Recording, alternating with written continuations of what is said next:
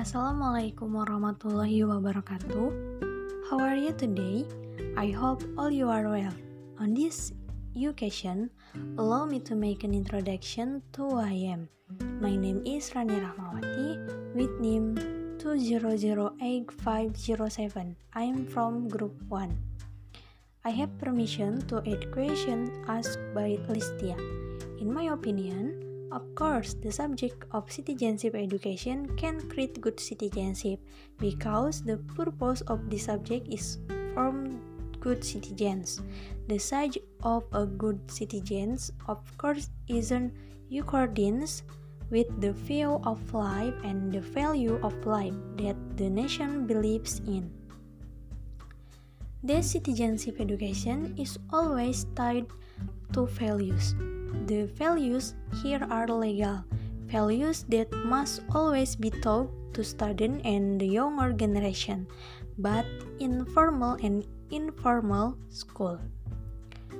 That way, citizens can understand and will behave in accordance with these legal values and in the end will form good citizens or good citizens. In addition, Legal values come from moral awareness, so that legal values are moral values. Because legal provisions are good if they are in accordance with legal values that are considered good by society, which are assessed through moral considerations. Earlier, the question was whether citizenship education can create good citizenship during a pandemic. Of course, citizenship education can still create good citizenship even though learning is currently being carried out in the pandemic era. This is because the purpose of citizenship education itself is indeed to create good citizenship. So, even if the learning is done online, it will not change the existence of civic education in realizing good citizenship. It is just that, sadly, in the implementation of online learning, there are several obstacles faced by teacher and student in learning.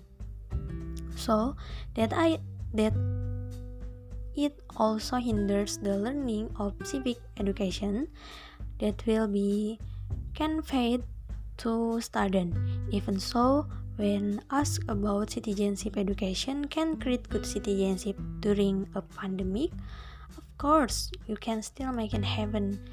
It's just that you may be constrained by some problem when delivering it, considering the learning is done online.